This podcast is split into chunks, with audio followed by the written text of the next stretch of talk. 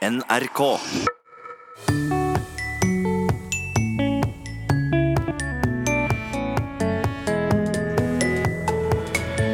Han er landets første juridiske klarspråkforsker. Men jeg må jo innrømme at jeg veldig ofte har problemer med å forstå hva offentlige myndigheter prøver å fortelle meg i ulike sammenhenger. For det er ikke lett med brev hvor det vises til vedtak i henhold til lov, og hvor det anmodes og begjæres om dette og hint. Så selv en ekspert innenfor et rettsområde kan uh, gå på en smell når man forsøker å forstå tekster fra det offentlige. Og hvordan har det seg at vi prater om tunga på vektskåla?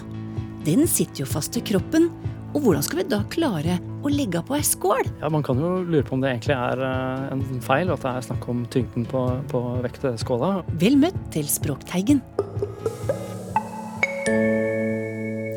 Å forstå lover og regler vi møter på i dagliglivet kan være en utfordring. De er ofte kronglete skrevet og med ord vi sliter med å forstå. Nå skal det bli bedre. Nå skal jusstudenter lære seg å skrive så folk forstår dem. Som et ledd i Klart språk-prosjektet fikk vi nemlig i sommer landets første juridiske klarspråkforsker. Han er gjest i Språkteigen i dag, men først mer om dette med klart språk i offentlig sektor, som det har vært jobba med i mange år. Likevel byr offentlige brev fortsatt på en utfordring for mange.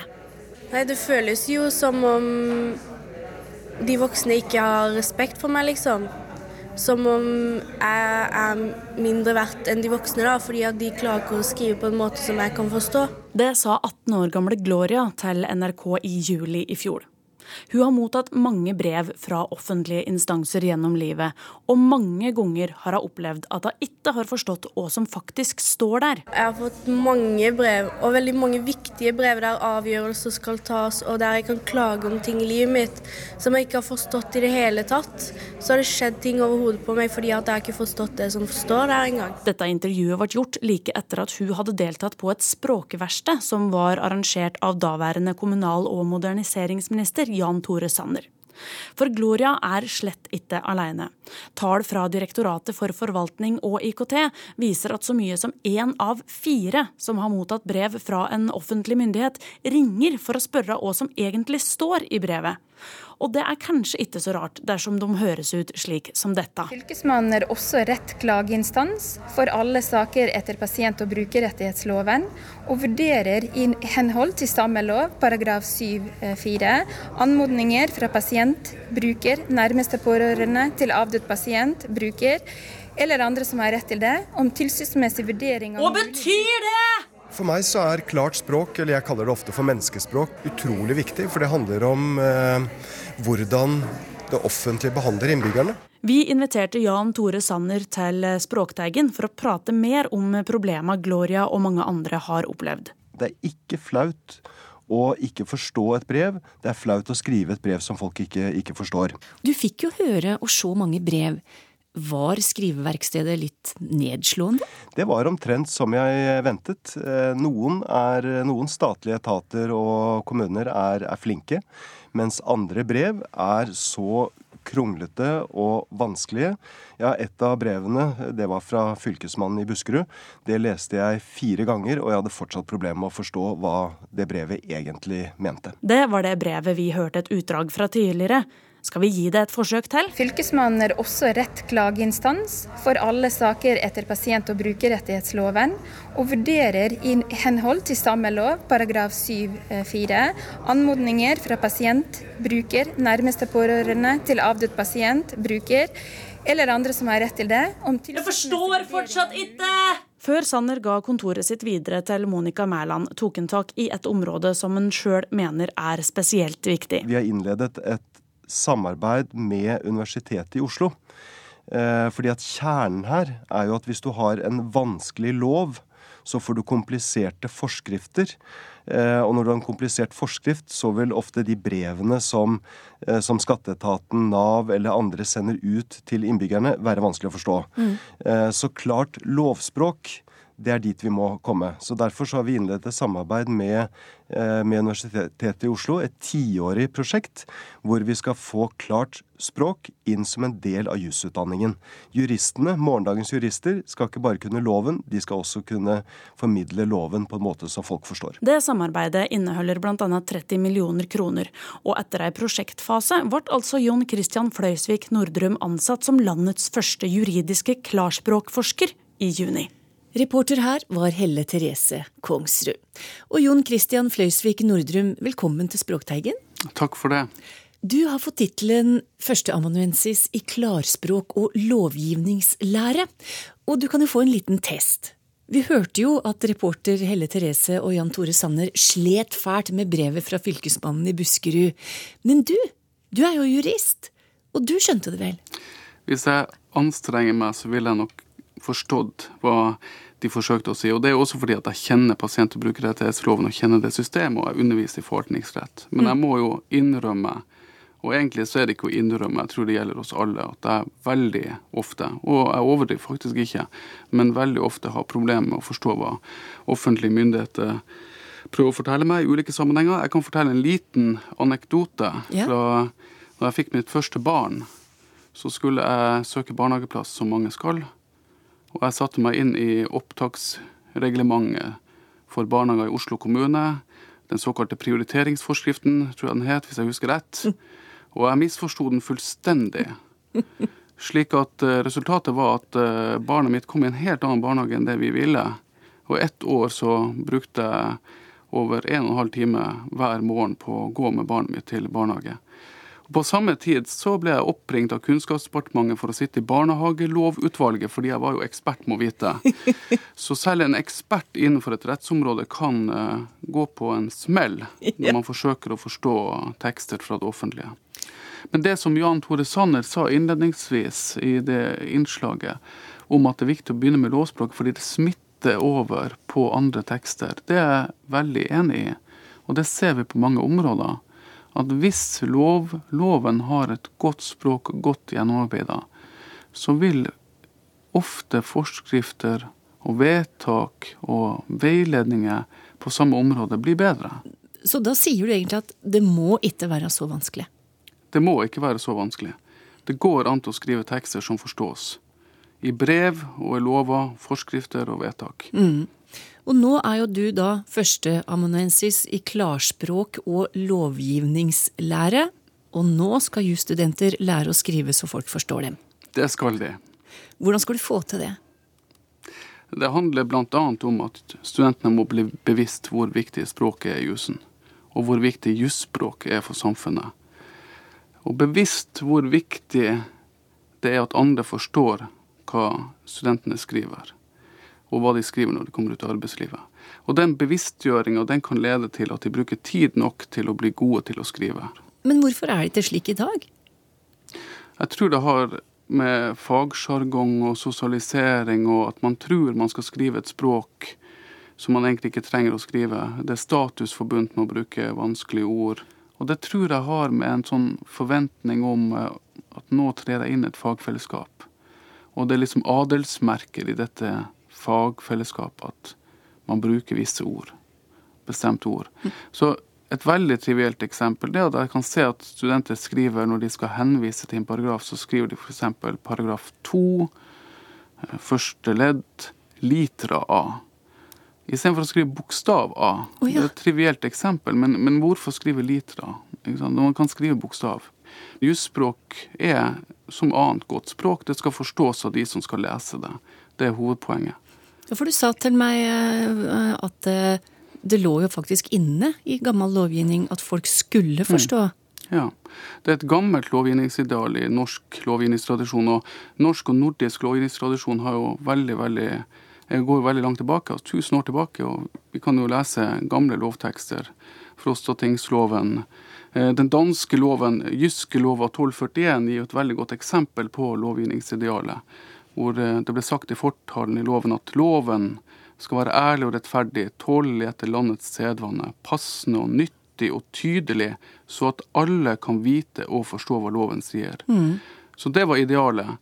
Og det er jo opplagt at det er et ideal. Fordi hvis ikke alle forstår hva loven sier, så vil de ikke rette seg etter loven. Og i dagens samfunn så er det jo sånn at lovgivning er byggestenen i de moderne samfunn. Mm. Godt lovspråk er avgjørende for demokratiet. Rettsstaten, velferdsstaten og reguleringsstaten, alle disse uttrykkene for staten, er, er språket selve navet. Du har jo et ganske stort felt å ta tak i, da. Med mange lover, mange studenter, mye gammelt språk å ta tak i. Hvordan i all verden skal du eh, ta tak i dette her? Ja, det handler om å spille på lag med andre som kan hjelpe til. Og det handler om andre fag, sånn som f.eks. lingvistikk. Og vi har allerede et eh, samarbeid med Institutt for lingvistisk og nordiske studier på, på Universitetet i Oslo. Det handler om å nå ut til eh, ikke bare studentene, som allerede nevnt, men også eh, jurister som jobber i offentlig og privat sektor. Få de til å engasjere seg i språkspørsmål. Og så handler det også om forskning. Mm. Det handler om å forbedre grunnlaget vi har for å si noe om hva som er et godt språk. I dag så er det veldig mye vi faktisk ikke vet så mye om. Vi vet faktisk ikke eh, så mye om hvordan folk leser lova, hva de sliter med. Vi vet heller ikke så veldig mye om hva som er en god lovtekst. Vi har ikke veldig gode må måter å måle det på. Hm. Metoder for å teste lovtekst. Og Det høres egentlig ganske utrolig ut, men vi har egentlig få teknikker som er godt utprøvd. Hva, hva blir det viktigste her? Eh, et godt startsted er å starte med studentene. Eh, og det som er veldig viktig, er å lære studentene å skrive regler. I dag så er det slik at eh, studentene lærer å tolke regler. De mm. tolker loven, og de tolker dommer, og de tolker forskrifter, men de lærer altså ikke å lage en lov eller lage en dom. altså sagt med andre ord, skrive en dom. Så vi må lære studentene, for å si det litt tabloid, å skrive juss. Eller skrive lovtekster, ikke bare å lese lovtekster. Så det er et mål, da, å få et eget fag for det? Ja. På sikt så har jeg en ambisjon eller ønske at eh, det å skrive rettskilder, skrive en utredning, skrive en lov, at det skal være en, en like viktig del av studiet som å tolke de tekstene som er skrevet. Et fag som er oppretta, og det er jo veldig veldig gledelig at det har skjedd, det er at eh, Institutt for lingvistiske og nordiske studier har oppretta en bachelor i klarspråk. Som de etter hvert vil starte opp med. Og I den bacheloren så er jo også juss nevnt Eh, eller juss er nevnt da, som den viktigste samarbeidspartneren. Og så er det også viktig å nevne at dette er jo ikke bare et Oslo-prosjekt. Det er ikke noen spesiell grunn til at jusstudentene i Oslo skal bli flinkere å skrive at det er de som skal bli flinkere å skrive. Jusstudenter i Tromsø eller Bergen trenger også å lære å skrive bedre. Men dette her betyr jo at du kjemper egentlig mot en hel kultur, da? Språkkultur? Ja, på en måte, men jeg tror samtidig at det er, veldig mange jurister som er enige. Jeg tror ikke det er så veldig vanskelig å overbevise justene, juristene eh, om eh, behovet for å modernisere språk, eh, demokratisere språk, forenkle språk.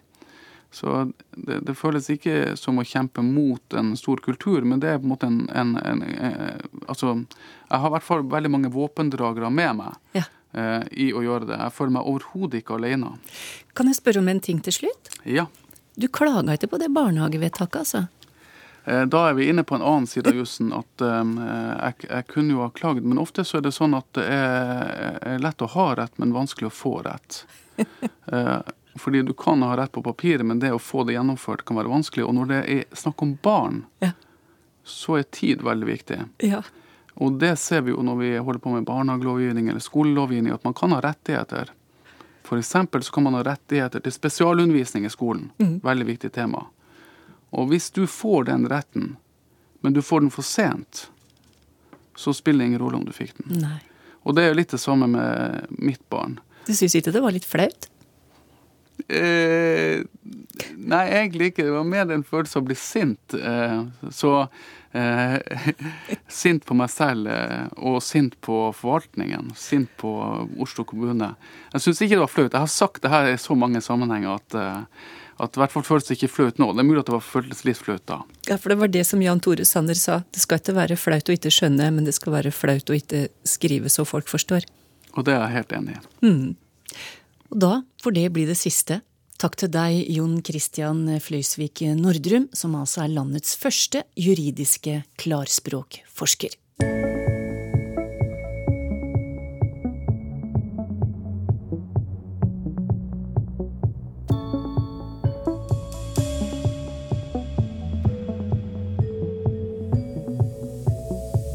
Så er det klart for lytterspørsmål her i Språkteigen, og det er Sylfest Lomheim og Toril Oppsal som skal få starte.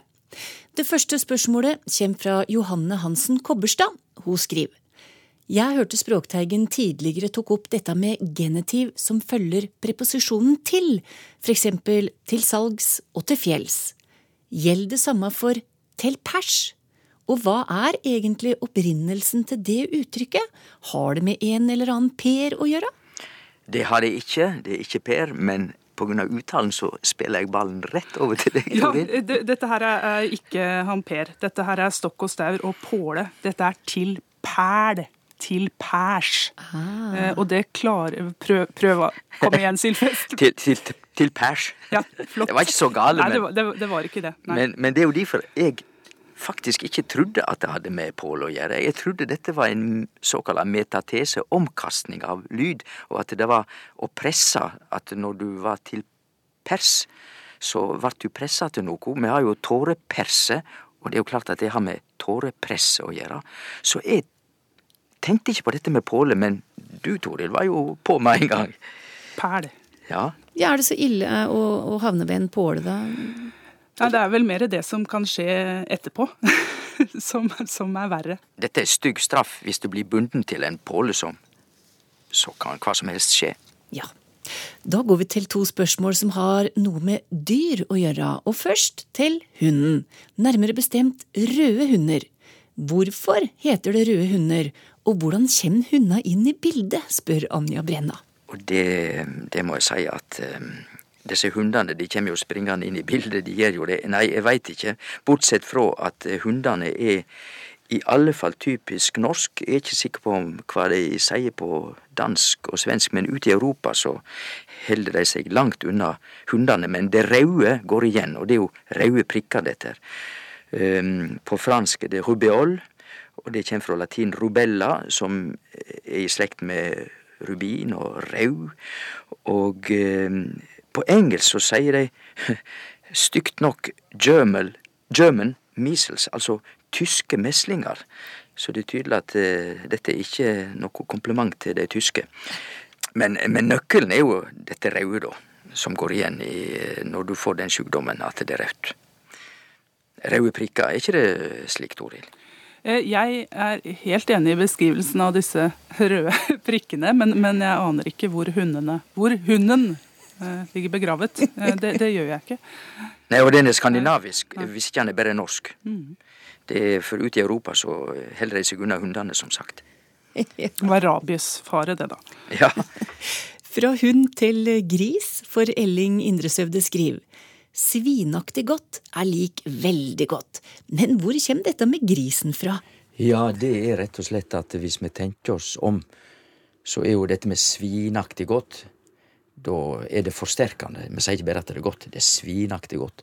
Og det er slik ikke bare i norsk. I de fleste europeiske språk som vi har oversikt over, så er det slik at forsterkende ord kommer jo fra et ord som har sin opphavlige tyding. Og da viser det seg at veldig mange av disse forsterkende orda kommer fra ord som betyr enten noe svært eller noe negativt. Slik at forferdelig godt, noe som er forferdelig, er jo ikke bra. Og hvis det er veldig godt, til og med ordet veldig er jo et skremmende ord, for det har med vald å gjøre. Makt. Ja. Og eh, svært bra, det kommer jo fra ordet svær, som er stor. Ja, Så hvis du er svinaktig, så ter du deg som en gris. Konkret i utgangspunktet. Eh, Men her er det nettopp den forsterkende effekten som Sylfest nevner. Men, men jeg veit ikke om den er kun negativ. Altså, Svinaktig. Hvis du ter deg som en gris, så er det noe med at du velter deg i en eller annen sånn mer jo, jo. dionysisk hensyn... Altså, dette er ja, noe kanskje. det er Jo da, det har litt. Ja. Men du vet, poenget er som du sier, at det er egentlig bare om det er 90% eller 95 bare forsterkende. fordi at sykt godt har jo ikke noe med sykdom å gjøre. Nei. Det er bare forsterkende. Mm. Men å være syk er jo ikke noe Det er negativt. Mm. Det er det. Ja. Sånn er det bare at de negative eller sterke orda blir brukt til å forsterke. Mm. Og blir til og med brukt om da veldig hyggelige ting. Ja. Dette var Svinaktig hyggelig. Ja, og forferdelig godt. ja. Og enda så svinaktig hyggelig det er, så må vi slutte der. Takk til døkk, Sylfest Lomheim og Toril Oppsal.